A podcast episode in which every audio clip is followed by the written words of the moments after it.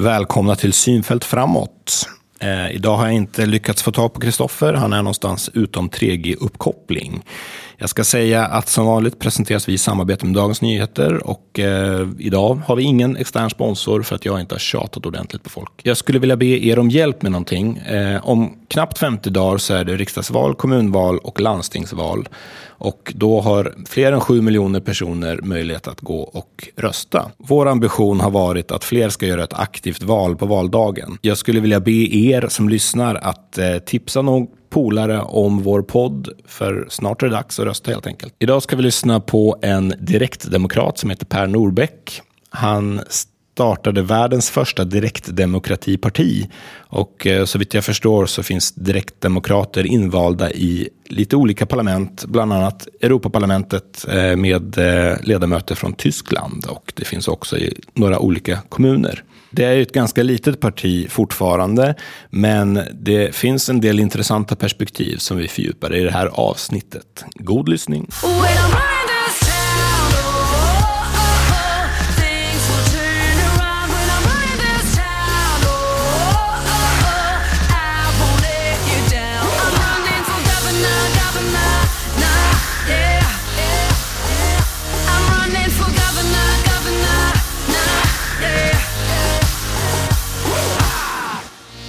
All offentlig makt utgår från folket. Så står det ju i vår viktigaste grundlag, 1974 års regeringsform. Och den vann ju laga kraft i januari 1975, exakt samtidigt som jag föddes.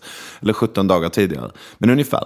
Vi är alltså lika gamla ungefär, regeringsformen och jag. Och det som var nytt den gången, det var ju att kungahuset blev av med en del makt, som då istället hamnade i riksdagen.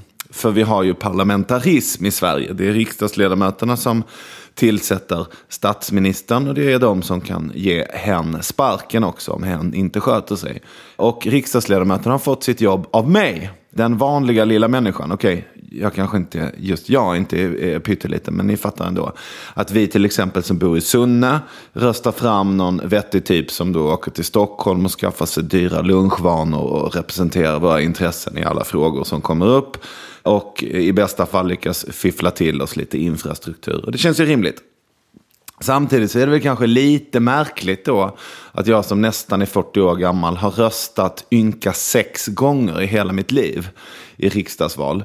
Var fjärde år så lämnar jag en lapp i en låda och det är liksom all input som jag ger till det här systemet. Så det är egentligen inte så mycket de har att gå på, de som sitter i riksdagen, när de ska representera mig. Och de ringer aldrig och frågar vad jag tycker heller. Så nu funderar jag på om det här systemet kanske är lite förlegat trots allt och inte värdigt det informationssamhället som vi lever i. Där alla är akademiker och alla är uppkopplade och alla är välinformerade och snart sagt varenda förening har ett eget värdegrundsdokument. Borde vi medborgare bidra med lite mer input än bara en lapp i en låda var fjärde år? Hur tänker du kring det här, Per Norbeck från Direktdemokraterna? Det borde de absolut göra. De borde inte bara göra det, de borde ha rätt att göra det. Rösträtten har utvecklats successivt. Och eh, nu med den teknik vi har har tiden kommit för att eh, kunna interagera mellan valen. Reinfeldt brukar säga väldigt ofta att han är ute och träffar folk. Är det inte då han lär sig om hur vanligt folk vill ha det? Jo, men man kan slicka upp fingret i luften också och kolla hur det blåser. Och tolka vädret på det eller spå i formagar och så vidare. Vi har bättre teknik. Är det det som är grejen? Att det har kommit nya verktyg och vi borde använda dem? Nej, grejen är den att eh, demokratins utveckling som har pågått, eh, ja, gått fram och tillbaka under hundratals år. Den har kommit till en punkt där vi har ett system som är fyrkantigt som bygger på de här fyraårsintervallerna som gör att den riktigt långsiktiga politiken som vi tyvärr inte har, som vi skulle behöva för att klara mänsklighetens fortsatta öden och äventyr, den fallerar på grund av partiernas särintressen. Men vi hade ju tre år mellan valen fram till ja, 94 då. Och sen har vi haft fyra år mellan valen. Är inte det där argument för att vi borde ha tio år mellan valen eh, istället? Och så låta politikerna göra sina grejer i lugn och ro? Nej, varför det? För jag tänker att ju mer receptiva de är för opinionen, desto mer populistiskt och mindre klokt blir det. Och då skulle man lika gärna kunna avskaffa dem och säga att vi kör, låter tjänstemännen bestämma helt och hållet. Så kan de köra sitt race bara. Men det är inte det som är demokrati. Demokrati är att, som du sa, all makt utgår från folket. Yes. Ska vi säga någonting om din Pippi-peruk också? Ja, jag sitter här i radio med en orange Pippi-peruk. Det syns inte. Jag är lite maskot eh, för det här partiet. I ett parti så måste man ha olika roller. Alla kan inte göra samma saker. Jag är något av en narr. Pippi har en egen vilja som kolliderar med Prussiluskans eh, fyrkantiga idéer om saker och ting. Och eh, vi har också som alliansen orange som vår färg. Vi tyckte de tog den faktiskt. För att eh, orange revolutionen var inte så himla borgerlig i Ukraina. Nej, det var ju en trendig färg just då, så det var ju rätt av alliansen att plocka upp den. Ja, precis. Vi ska göra en snabbkoll. Eh, varmt välkommen ska jag säga också. Vi ska Tack. göra en snabbkoll, ställa några frågor som jag tänker att du ska svara ganska kort på. Sen får vi fördjupa lite ordentligt senare. Har vi ett demokratiskt underskott? Ja, Betalar vi för mycket skatt? pass. Ja. Blir det mycket pass här tror du? Det kan bli det. Därför att jag i egenskap av representant för det här partiet så kan jag inte... Jag menar, du ställer en fråga till mig personligen. Och jag kan säga personligen tycker jag så här. Men det är egentligen inte intressant. För att det vi gör är att eh, vi skapar i fullmäktige eller i landstingsfullmäktige eller i riksdagen ett antal platser som är ofärgade, färglösa. Och sen har vi omröstningar på nätet företrädesvis. Och eh, så fyller vi de här med de färgerna som folk röstar på på nätet. Så vi representerar alltså statistiskt hur folk röstar på internet. All right. Är det bra att dela upp politiken i kommun, landsting och riksdag? Måste ske någon form av uppdelning, ja. Ja. Borde Sverige gå ur EU? Pass. Det finns det ju en folklig majoritet för just nu. Ja, det vore intressant att ha omröstningar om saker och ting. Sen är det så här att trender kommer och trender går. Och man kan inte hålla på och rösta om samma fråga hela tiden. Nej. Så att, eh, ja, Tjänar politiker i Sverige för lite? nej. Varför inte pass? Ja, det var en bra fråga. Då säger jag så här, personligen tycker Ja, jag inte... det. Okej, bra. Behövs det fler lärare i skolan? Pass. Borde skolan förstatligas? Pass. Borde Sverige fortsätta exportera vapen? Pass. Ska kommuner kunna säga nej till att ta emot flyktingar? Pass. Är det inte ett väldigt lämpligt tillfälle för direktdemokrati? Om man i en kommun inte vill ta emot flyktingar, borde de inte ha möjlighet att säga nej då? Alltså man får ha klart för sig att vissa frågor kan man inte avgöra på kommunal nivå. Man kan inte säga att vi röstar om vi ska ha fred i Syrien, i Vallentuna. Det funkar inte. Vi har inget inflytande där. Så att det måste finnas en fördelning. Ja. Borde fildelning för upphovsrättsskyddat material vara tillåtet för privat bruk? Ja, här är jag tvungen att säga pass. Ja, det är ju samma sak där, att det finns ju en majoritet av svenskarna som tycker att det är helt legit. Men det kanske inte gäller för era medlemmar. All right, snabbkollen är klar, då har vi fått lite koll på dig. Det bubblar ju av följdfrågor, men jag tänker att vi ska spara dem tills vi ska prata mer om direktdemokrati. Då kommer det här tillbaks. Men jag vill först att vi ska ringa in vem du är. Du är ju en udda filur på sätt och vis. Varför är du det? Jag har inte valt det. Utan eh, jag började den här resan som lärare på en skola. Som eh, arrangerade en IT och demokratidag år 2000. I kommunen Vallentuna. Och det var kommunen och skolan som gjorde det tillsammans. Politikerna vill veta varför är inte kidsen intresserade av politik? Varför går de inte in- med i partierna? Och då kopplade de ihop datorer i ett stort, på den tiden hade man inget trådlöst, så det var liksom en stor härva av sladdar och kablar. Och eh, så hade de en moderator som ledde och ställde, okej, vad vill ni ändra på i Vallentuna? Först flamsade de lite grann, de hade en stor skärm som alla kunde se. Men så småningom kom det upp lite förslag och så sa moderatorn, okej, nu rangordnar vi 1 till 10. Boom, kom det upp och ganska snart så insåg man att här finns det ett problem. Det finns inget ungdomshus för äldre ungdomar centralt i Vallentuna. Okej, moderatorn frågade var vill ni att det ska ligga? Fick in några förslag. Rangordna, boom, så hade de ett förslag på en plats. Och vad bra, vad vill ni ska finnas där? Förslagen sprutade in, boom, rangordna här. Plötsligt så kändes det som att det funkade. Och de blev taggade som 17 där de satt vid datorerna. Och där, när man bara, ja men då säger vi det. Vilka tycker att vi ska ha ett fritidshus? Vilka skulle vilja göra det här? Som ligger här med de här, de här aktiviteterna. Man skulle vilja rösta, va? Där bröt man. Och gick över till en muntlig debatt. Och den muntliga debatten började med att varje politiker presenterade sig. Och då säger de, ni har ju massvis med idéer, varför kommer ni inte till oss? Varför kommer ni inte in i partierna? Och då blev det lite tyst och så räckte någon upp handen och sa att ja, vi tror inte att det kanske går att påverka på det sättet. Nej. Jo, det gör det, fick de veta. Någon annan sa, ja, men möten och sånt, det verkar vara ganska tråkigt. Nej, vi har jätteroligt på våra möten. Ja, och så kom de med andra kritik. Och så småningom så var det någon som sa, ja, vi har en massa andra saker, fritidsgrejer. Ja, vi förstod det. Ungefär så var det. Ja. Och då sitter jag, filosofilärare, Pippi typ, och bara, ja men hallå politiker, hör ni inte att de faktiskt kommer med kritik här mot er, eller kritiska synpunkter och har idéer? Och då fick jag en drapa av en politiker. Hörru, du ska inte komma och lägga dig i, du vet ingenting om hur politiken fungerar. Och eh, sen fortsatte de, och, och då var det ett par år kvar till valet, så började de positionera sig och kasta lite gegga på varandra. Och eh, luften tog slut där inne och eleverna tröttnade. Och efter studiedagen träffade jag några som jag hade i filosofi och frågade liksom. Och de sa, det började klockrent. Och sen bara, puff, gick luften ur allting. Ja, vad var det som hände? Ja, vi bytte från datorerna till muntlig debatt. Okej, vad är det för skillnad mellan att skriva när man jobbar med politik och arbeta med elektronik och att tala? Och då kunde de snabbt, 18-åringar, sätta fingret på några väldigt viktiga skillnader. Talet är linjärt. Du måste följa den som pratar hela tiden. Du kan inte byta och swappa. Man kan byta radiokanal om man vill, men om du ändå vill hänga med. Talet är dessutom sådant att den som har en bra stämma, en mörk tordönstämma på det här sättet, framstår som mera förtroendeingivande än någon som är pipig och lite så här. Många sådana aspekter som påverkar. Och eh, framför allt när man jobbar med datorerna så gick det fortare. Det var icke-linjärt. Man behövde inte läsa trollen, de som tar jättemycket talartid, utan man hoppade över det och eh, gick direkt på sakfrågorna. Det gick fortare, effektivare. Så då su- suckade de och sa, okej, demokratin är som den är, vi kan inte göra någonting. Och då sa jag bara, ja men vad då? Demokrati innebär att man kan, om man kommer med ett förslag, så här skulle vi vilja göra, då, då kan vi göra det. Vill ni att jag ska regga ett parti som bara har en enda fråga?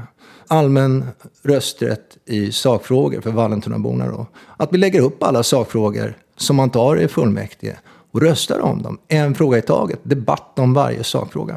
Just det. Hade du själv någon politisk bakgrund innan du kom till det här? Nej. Gick du och röstade mangrant eller var du liksom? Ja, absolut. Ja.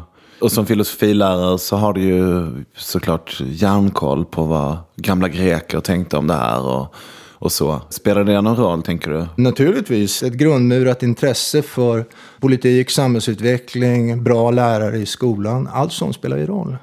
Och min roll som filosofilärare, det gjorde ju också att jag hamnade i den situationen med en grupp elever som jag hade lovat en sak som jag inte kunde svika.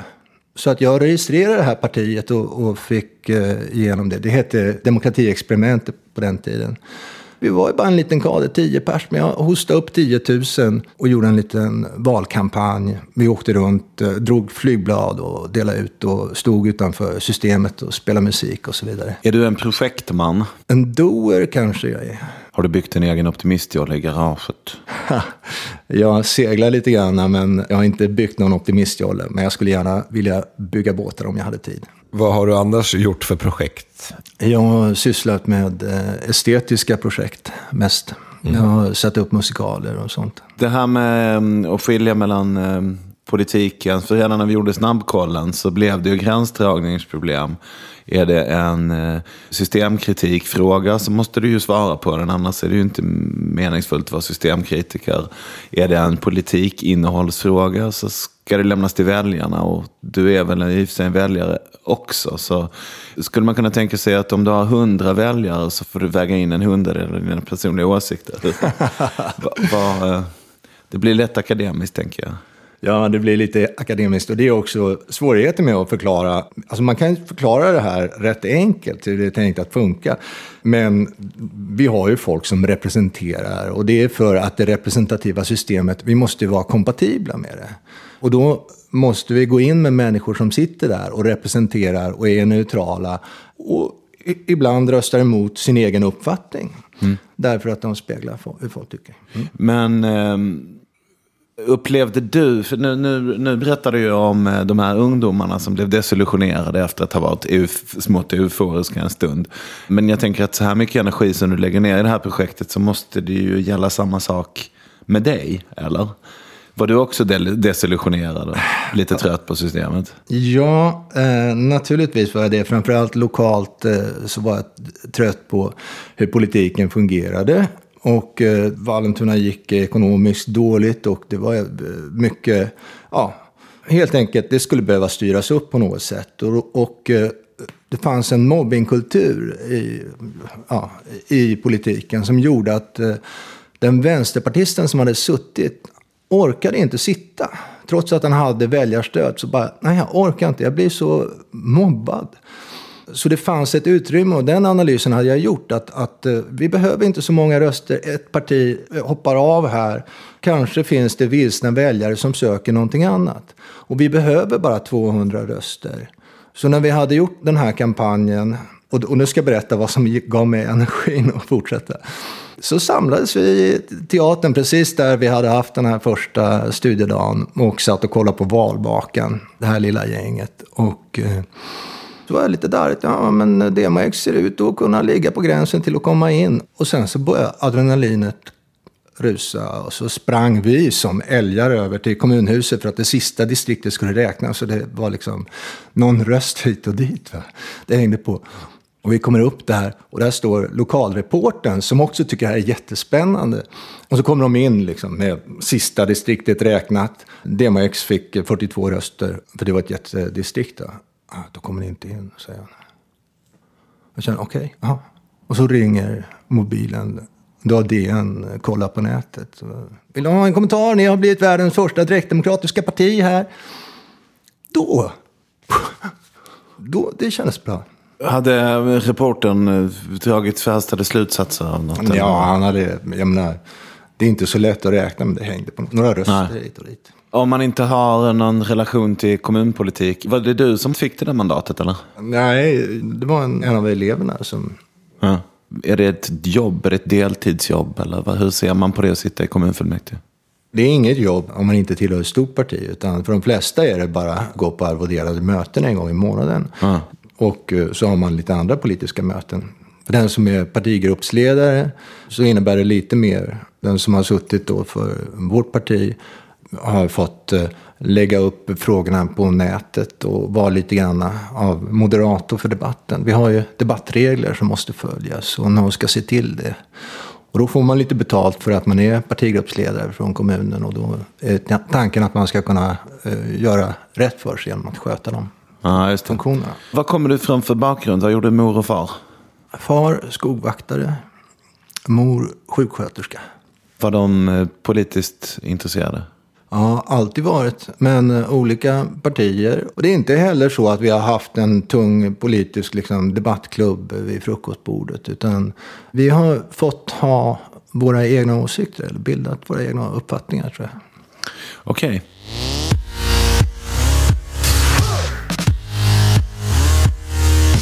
Vi tänkte ge dig möjligheten att eh, dra din pitch. Tänk att du ska åka hiss med en potentiell väljare och vi tänker oss att det är en hiss som tar en minut att åka med. Vad säger du till den här personen i hissen? Hejsan! Tycker du politik eh, ska vara ett eh, krig mellan partier? Eller tycker du att det ska vara ett samarbete? Och det är ju bra om det är samarbete. Varför tror du att det är så svårt att samarbeta? Och det, jag tror att eh, det har med partierna att de liksom... Ja, vi har en idé här som skulle kunna eh, göra det möjligt att samarbeta. Inte bara över partigränser och blockgränser utan också samarbeta med medborgare. Kallas för direktdemokrati. Och är det det som står på tröjan? Ja, precis. Man röstar in ett parti som... och så vidare. Teknologi helt enkelt. Det hamnar ju i det, tekniken. Är det rimligt i en eh, tid då nazismen eh, drar framåt igen? Är det inte viktigare nu än någonsin att inrikta sig på innehållet och använda sitt ledarskap? Du beskriver ju själv hur du har en massa debattsugna och tänkande ungdomar i dina hasor. Är det inte läge att visa moralisk kompass också? Moralisk kompass är en sak. Det måste man ju ha. Det måste ju alla människor försöka skaffa sig. Men ledarskap i form av en person som står där och pekar med hela handen. Det tycker jag är helt ointressant. För kompassen, den handlar ju om att navigera. Men det passagerarna är intresserade av på båten det är att komma fram lugnt utan att det ska kapsejsa. De är inte intresserade av att det står någon och gastar och pekar uppe på kommandobryggan. Nej, men det du sa till människan i hissen var jag blir ditt lydiga verktyg om du röstar på mig. Men nog är väl en diskussion om slutdestination intressant. Är det världsherravälde för den ariska rasen som är målet eller är det Gotska Sandan? Den diskussionen behöver väl tas någonstans i alla fall. Absolut. Man vill väl inte ha alla väljare, eller? Om alla de som röstar på svenskarnas parti skulle rösta på er till exempel. Så skulle de ju göra er till eh, lydiga redskap för eh, sina, var hittar man värdegrunden i det här?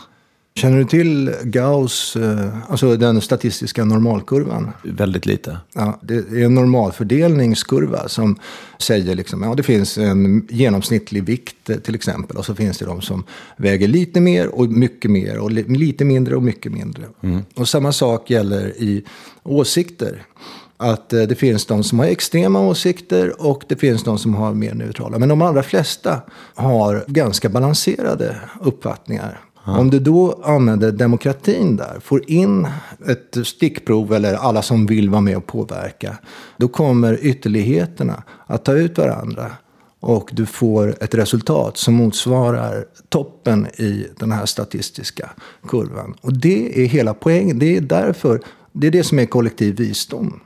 Mm. Det låter ju rimligt, men eh, folk som har normala åsikter, de har ju ofta jobb och fullt upp. De som har lite extrema åsikter, de har ju oftare mycket tid och eh, ägnar den ofta till att sitta och trolla i nätforum. Är det inte risk att du attraherar de som har tid snarare än de som har vettiga åsikter? Jo, initialt är det det. Och eh, vi har en kille som jobbar mycket i sociala medier, så han nästan bränner ut sig. Och han får ju hålla eh, dörrarna, alltså det här mot trollen, försöka hålla det borta. För att åtminstone innan man har nått någon sorts kritisk massa så är risken stor att de här troll tar över konversationerna och debatterna helt och hållet. Men projektet är ett folkbildningsprojekt. Alltså det, om vi skulle få makt, reell makt, inte bara något mandat, utan kanske 20-25 procent. Då skulle människor som har sakkunskaper om olika grejer gå in i sina sakfrågor och argumentera. För jag vet hur det fungerar inom långvården. Jag vet hur det fungerar på dagis eller inom industrin. Så rangordnar du också argumenten och då skulle trollargumenten försvinna. Och de som verkligen har någonting att komma med här, de argumenten skulle hamna högst upp.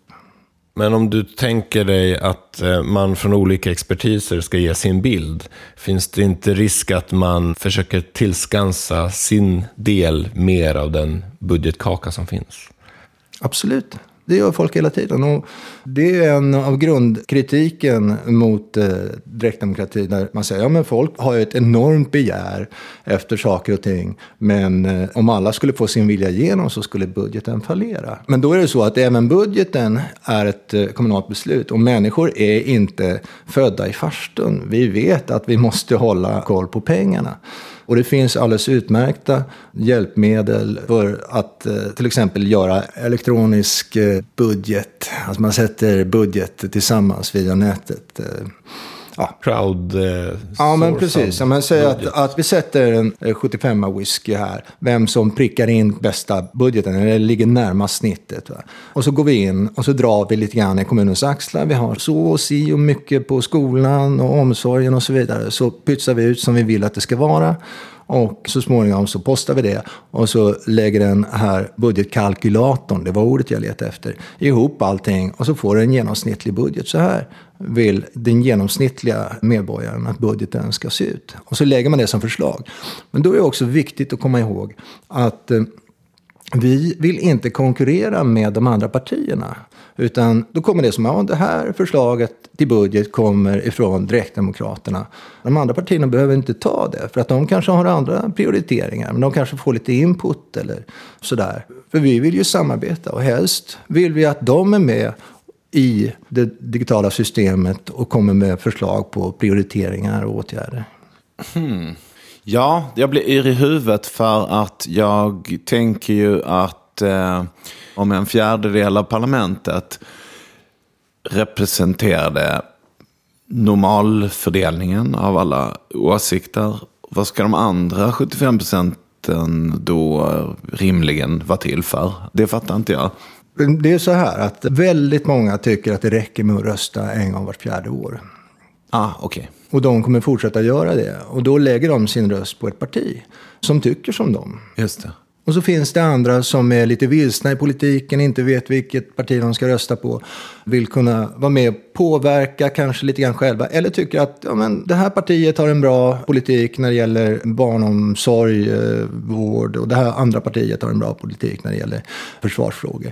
Då kan man fördela, gå in i Direktdemokraterna och välja en person som representerar dem i det här departementet eller de här frågorna och, så vidare. Det får alltså en helt annan dynamik.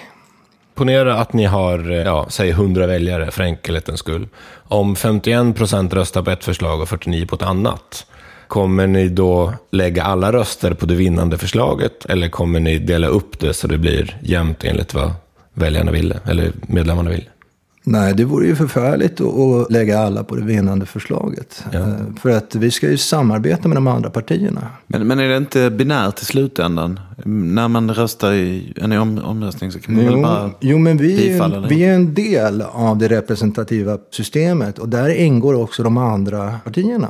Och vår uppgift är ju att spegla vad folk tycker på nätet. Jo, men jag menar så här, en eh, mandat är en röst i en mm. fråga. Antingen så är man för en bro eller så är man inte för en bro.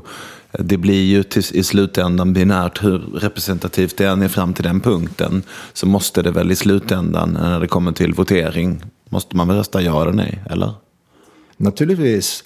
Men som det ser ut på de allra flesta håll idag så är det här systemet med, fram till votering, det är inte något öppet system utan det är redan klart på förhand. Debatterna är ett spel för galleriet och eh, alla vet redan hur besluten kommer gå därför att man har förhandlat fram det innan. Mm. Det som skulle hända med direktdemokrati, det är att politiken skulle plötsligt vara öppen. Alltså ungefär som valet nu. Va?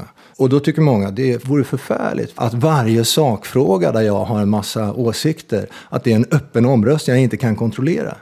Men grejen är den att om du tar en fråga i taget och inte sätter så mycket på spel som makt i fyra år och en massa miljoner pengar och så vidare, då blir det inte så jäkla dramatiskt.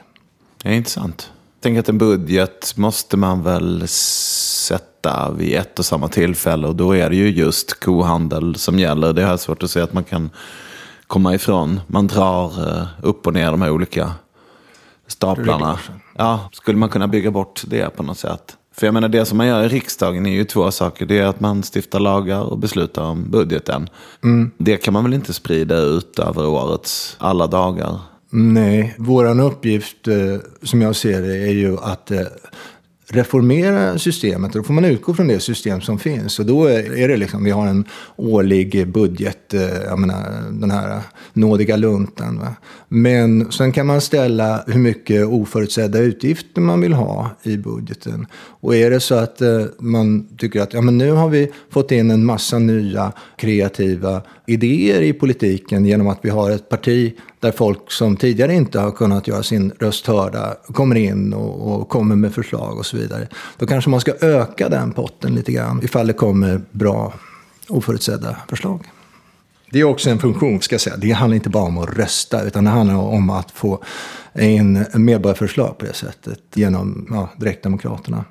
Det finns ju nu att man ska samla namnunderskrifter, men det är fortfarande pappersnamnunderskrifter här i Sverige. Du sa i snabbkollen att eh, ni skulle kunna hantera långsiktiga frågor bättre än partierna. hur tänker du då? inte vi enskilda, utan politiken skulle som helhet bli långsiktigare om inte vi hade den här fyraårscykeln. Mm. Som innebär att när man har vunnit valet då får man lugn och ro och arbeta för saker och ting under en period. Och då kan man strama mer på saker och ting. För jag menar, den strategin tror jag alla regerande partier har. Vi vet att vi kan ge ett par svältår och folk knorrar. Men på valåret då måste vi fläska lite mm. eh, i budgeten. Och det skapar i sig en obalans. Det är systemet som är problemet. Det är inte politikerna som är problemet. Systemet tvingar dem att tänka kortsiktigt därför att de vill fortsätta i liksom, maktposition. Det har sagts att regeringen Bildt förmodligen skulle bli återvalda om de hade fyra års mandatperiod. Det var ju tre år på den tiden. Och det har sagts att regeringen Reinfeldt skulle inte blivit återvalda om det var tre års mandatperiod efter 2006. Om det stämmer så skulle det ju tyda på att det behövs längre mandatperioder för att politiken ska hinna sätta sig. Ja, men du, nu tänker du på det representativa sättet. Mm. Mm. Och om du säger att du har 30-40 procent av riksdagen som inte är färggiven, då blir det helt plötsligt inte det här med mandatperioderna särskilt viktigt. Mm. Utan då kommer det förmodligen, min hypotes, bli samlingsregering. En fråga som alla tycker är viktig, det handlar ju om klimatet. Och det är en fråga som behöver hanteras långsiktigt. Men eh, när man föreslår en bensinskattehöjning som ja, knappt skulle skrapa på ytan på problemet, då blir folk rasande. Tyder det inte på att vi är ganska oförmögna att hantera långsiktiga problem? Annat än i teorin. Jo, alltså nu måste jag prata. I den här frågan är jag personligen väldigt engagerad. Så att nu kan inte jag passa. Mm. Jo, det behövs en radikal omställning av samhället. Och det bör gå ganska fort. Säger jag som person, inte som parti. Mm. Och den typen av frågor som klimatfrågan det är en global fråga. Alltså, den måste upp på den globala agendan och det måste fattas ett demokratiskt beslut. Alltså, goda beslut fattas av människor med goda kunskaper. Men om du har en omröstning, då får du också argumentationer till de olika frågorna. Och i argumentation så sker en successiv inlärning. Människor lär sig mer och mer. Det är det här sakta stiga vi mot ljuset-principen. Ja, det där tycker jag låter tilltalande för mig. För att mm. eh, när politiker bara lyssnar på oss var fjärde år, då finns det ju inga incitament att ha någon lärandeprocess. Varför ganska många då är helt ointresserade av politik. Så, ja. Ja, jag eh, är ju lärare då, då så att det är kanske därför som när man gör den kopplingen. Man har rötter i en folkbildningstradition och eh, känner att eh, det har gått i stå. Fast det finns så otroligt mycket som måste göras. Till vad behövs politik? Politik behövs för att uh, hitta fungerande strukturer och system som gör att vi lever ett bra liv tillsammans. Och till vad behövs inte politik? När vi går och käkar lunch sen så mm. gör vi det på en eh, privat restaurang. I politiken så har man synpunkter på vilka saker som ska vara privata och inte. Men det är inga konstigheter att man har en privat restaurang. Jag förstår vad du menar. Du vill få mig att dra en gräns mellan det. Ja, men vad ska man inte besluta om? Att jag väljer restaurang, det är ju ett demokratiskt beslut för mig. Ja. Jag kan välja att gå dit eller dit. Mm. Vi kan se det så här också. Du har pengar. Ja. Och eh, de pengarna kan du använda som du vill. Mm. Se rösträtten som en valuta. Den kan du använda som du vill. Men du kan bara göra det en gång var fjärde år. Och då måste du köpa den här fullpackade varukorgen med olika åsikter. Ett, ett riktigt paket. Va? Varför inte släppa in sig i eh, butiken mellan valen? Varför inte kunna gå ner varje dag eller varje en gång i månaden då, och plocka de grejerna Men, eh, som man behöver? Kan man inte tänka sig att politiken ska bli mindre och hantera färre saker? Så att jag, precis som jag väljer lunchrestaurang, också kan välja saker som politiker bestämmer över mitt huvud nu. Skulle inte det också vara mer demokratiskt? Jo, men det, alltså, det får i så fall vara ett politiskt beslut. Det intressanta är det konstitutionella, inte sakfrågorna. Liksom reglerna för vad som ska vara politik och vad som inte ska vara politik. Det handlar ju inte om sakpolitik då, utan det handlar ju om ja, grundreglerna vi sätter upp för hur vi styr vårt samhälle. Och jag tänker att Likväl som jag kan välja lunchrestaurang så är det ett demokratiskt beslut. Lika väl som att jag ska kunna välja skola till mina kids. Det är också ett demokratiskt beslut. Ja. Och de flesta, jag menar, vi kan välja allt ifrån att uh, lägga ut massvis med saker på entreprenad eller att ha mer statligt styre och så vidare. Men uh, jag tror inte att det är något problem. För att man märker vad som funkar. Det är trial and error. Märker vi att uh, den här, aktuellt exempel, vårt skolsystem, mm. att det inte riktigt bär dit vi vill att det ska bära. Ja, men då blir vi tvungna att avbryta det här experimentet. Men eh, är det inte trial and error vi sysslar med? För skolan är ju kommunal och skolan är usel i vissa kommuner. Då har vi ju ganska goda verktyg att lära oss hur vi kommer vidare till bättre skolor. Det är bara att ringa till Nacka och fråga hur man gör. jag är väldigt stolt över mina kids skola. Ja. ja. Ja, eh, vi, skolpolitik kan vi diskutera länge. Nej, det gör vi inte. Men jag, jag måste ju fråga då, du pratar om eh, rösträtten som en valuta. Hur ser du på att man växlar in mot andra valutor som till exempel dollar eller svenska kronor? Får man sälja sin röst? Där är det faktiskt, det var en jättebra fråga. Det är en sak vi måste kunna se till och kontrollera. Att man inte kan köpa sig makt. Och eh, det är ett problem som, eh, det ska jag inte sticka under stol med, har funnits i Kalifornien. Där mäktiga lobbygrupper har jobbat för att hålla nere skatten eller vissa lagar. Som gjorde att Kalifornien, som har ganska starkt inslag av folkomröstningar, inte hade pengar i budgeten för att kunna laga gatorna. Och eh, samtidigt så fanns det en lag som sa att ja, man inte fick öka och så vidare. Så det måste man vara på sin vakt med. Då är nätets transparens ett eh, väldigt utmärkt eh, medel att eh, skärskåda det. Det här med att man röstar i enskilda frågor, direktdemokrati, det låter ju bra. Fler får vara med och tycka till. Men makten ligger ju ofta i vem som formulerar frågan.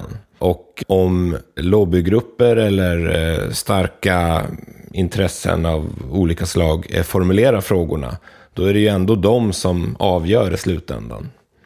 Är det inte så? Nej, det behöver inte vara så. Alltså, för det första, de kan ju påverka politiker att lägga motioner som det är nu. Mm. Och de motionerna kan riksdagen rösta för eller emot naturligtvis. Eh, det är lättare att påverka några partier, 349 personer, än det är att påverka x antal miljoner som är potentiella påverkare. Va? Framförallt billigare. Mm. och eh, problemformulerings... Eh, vissa beslut måste fattas. Jag menar, vi måste fatta budgetbeslut. Och en del är så här kontinuerligt. Det här är löpande. Det kommer upp varje år. Vi måste besluta om de och de grejerna. Men annars handlar det om att eh, få in eh, nya förslag och motioner. Om du skapar en kanal direkt in till makten där du kan lägga in det. För det, det man gör, vi skriver ju inte en motion så fort någon lägger in ett förslag. Eh, vi vill ha fri sprit och breda trottoarer. Så lägger inte vi in en motion utan då röstar vi om den. Och där har vi majoritetsprincip. Vilka tycker att vi ska lägga fram den här motionen? Och då gäller den inom partiet. För att då blir vi som ett eget parlament. Tycker mer än 50 procent att det här är en bra motion. Då mm. skriver vi den och lägger in den. Där fattar jag. Jag har missat den grejen. Jag tänkte att allting kom eh, från fullmäktige och neråt. Men eh, just det. Mm. Okej, okay, bra.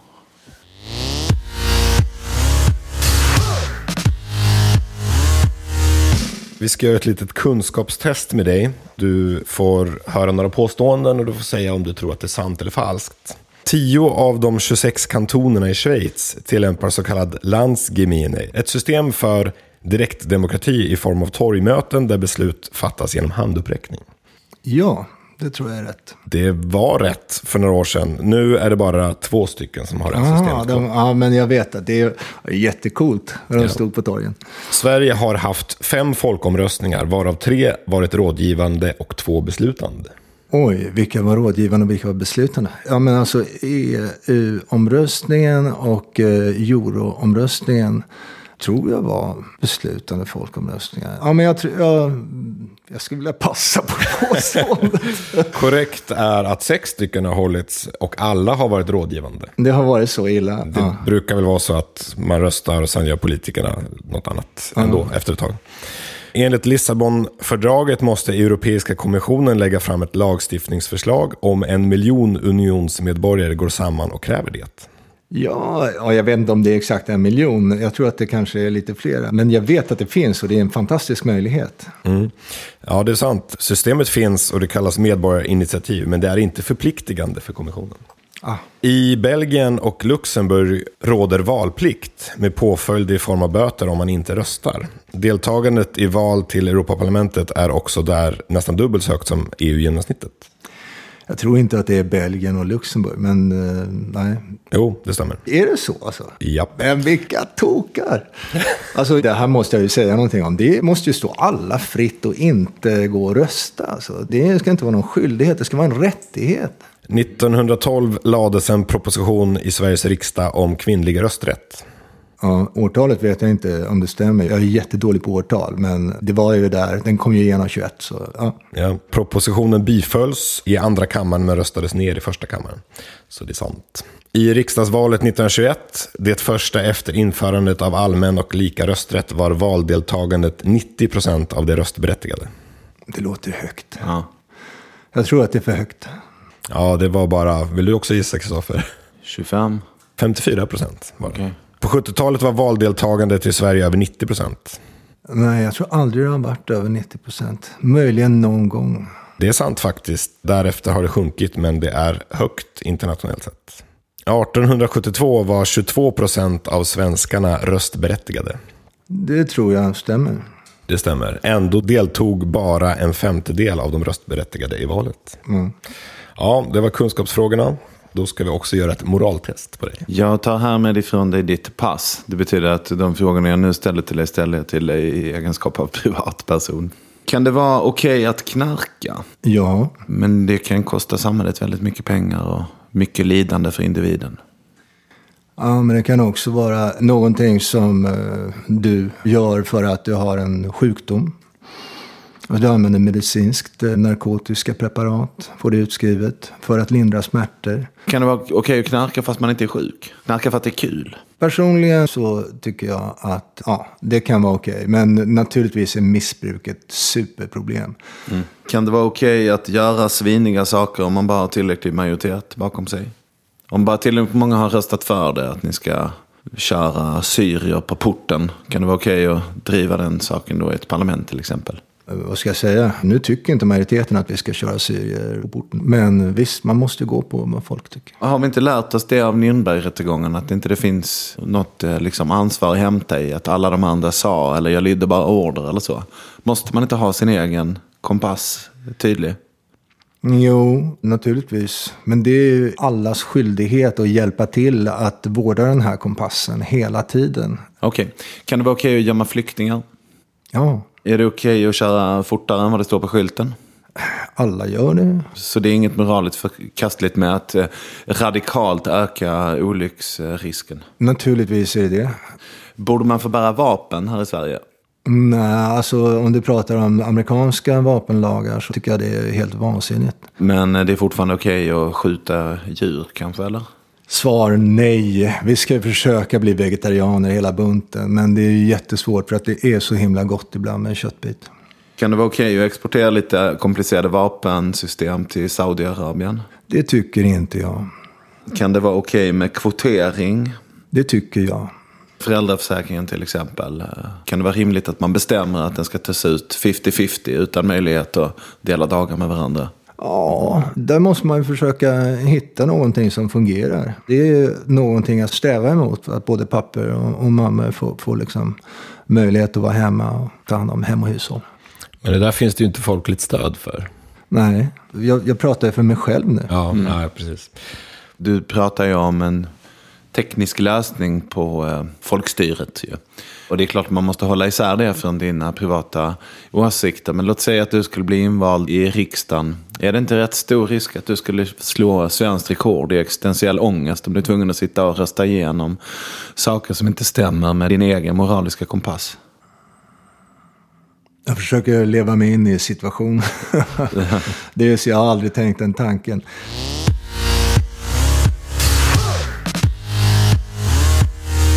Vi har gett dig möjlighet att tipsa om en bok. Har du någon bok du vill tipsa om?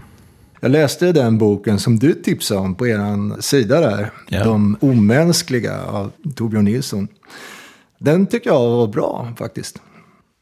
Ja, jag blir glad att eh, du tog mitt Återtipsar. tips. Vad var det som var bra? Ja, vad var det som var bra? Ja, det som var bra med den boken är att eh, det var en bra journalistisk beskrivning av hur det funkar i de politiska partierna. Hur maktkampen får människor att förtrycka varandra. Till och med inom ungdomsförbunden och, och hur liksom just den här eh, hierarkiuppbyggnaden skadar människor, sårar människor. Torbjörn Nilssons Det omänskliga, alltså.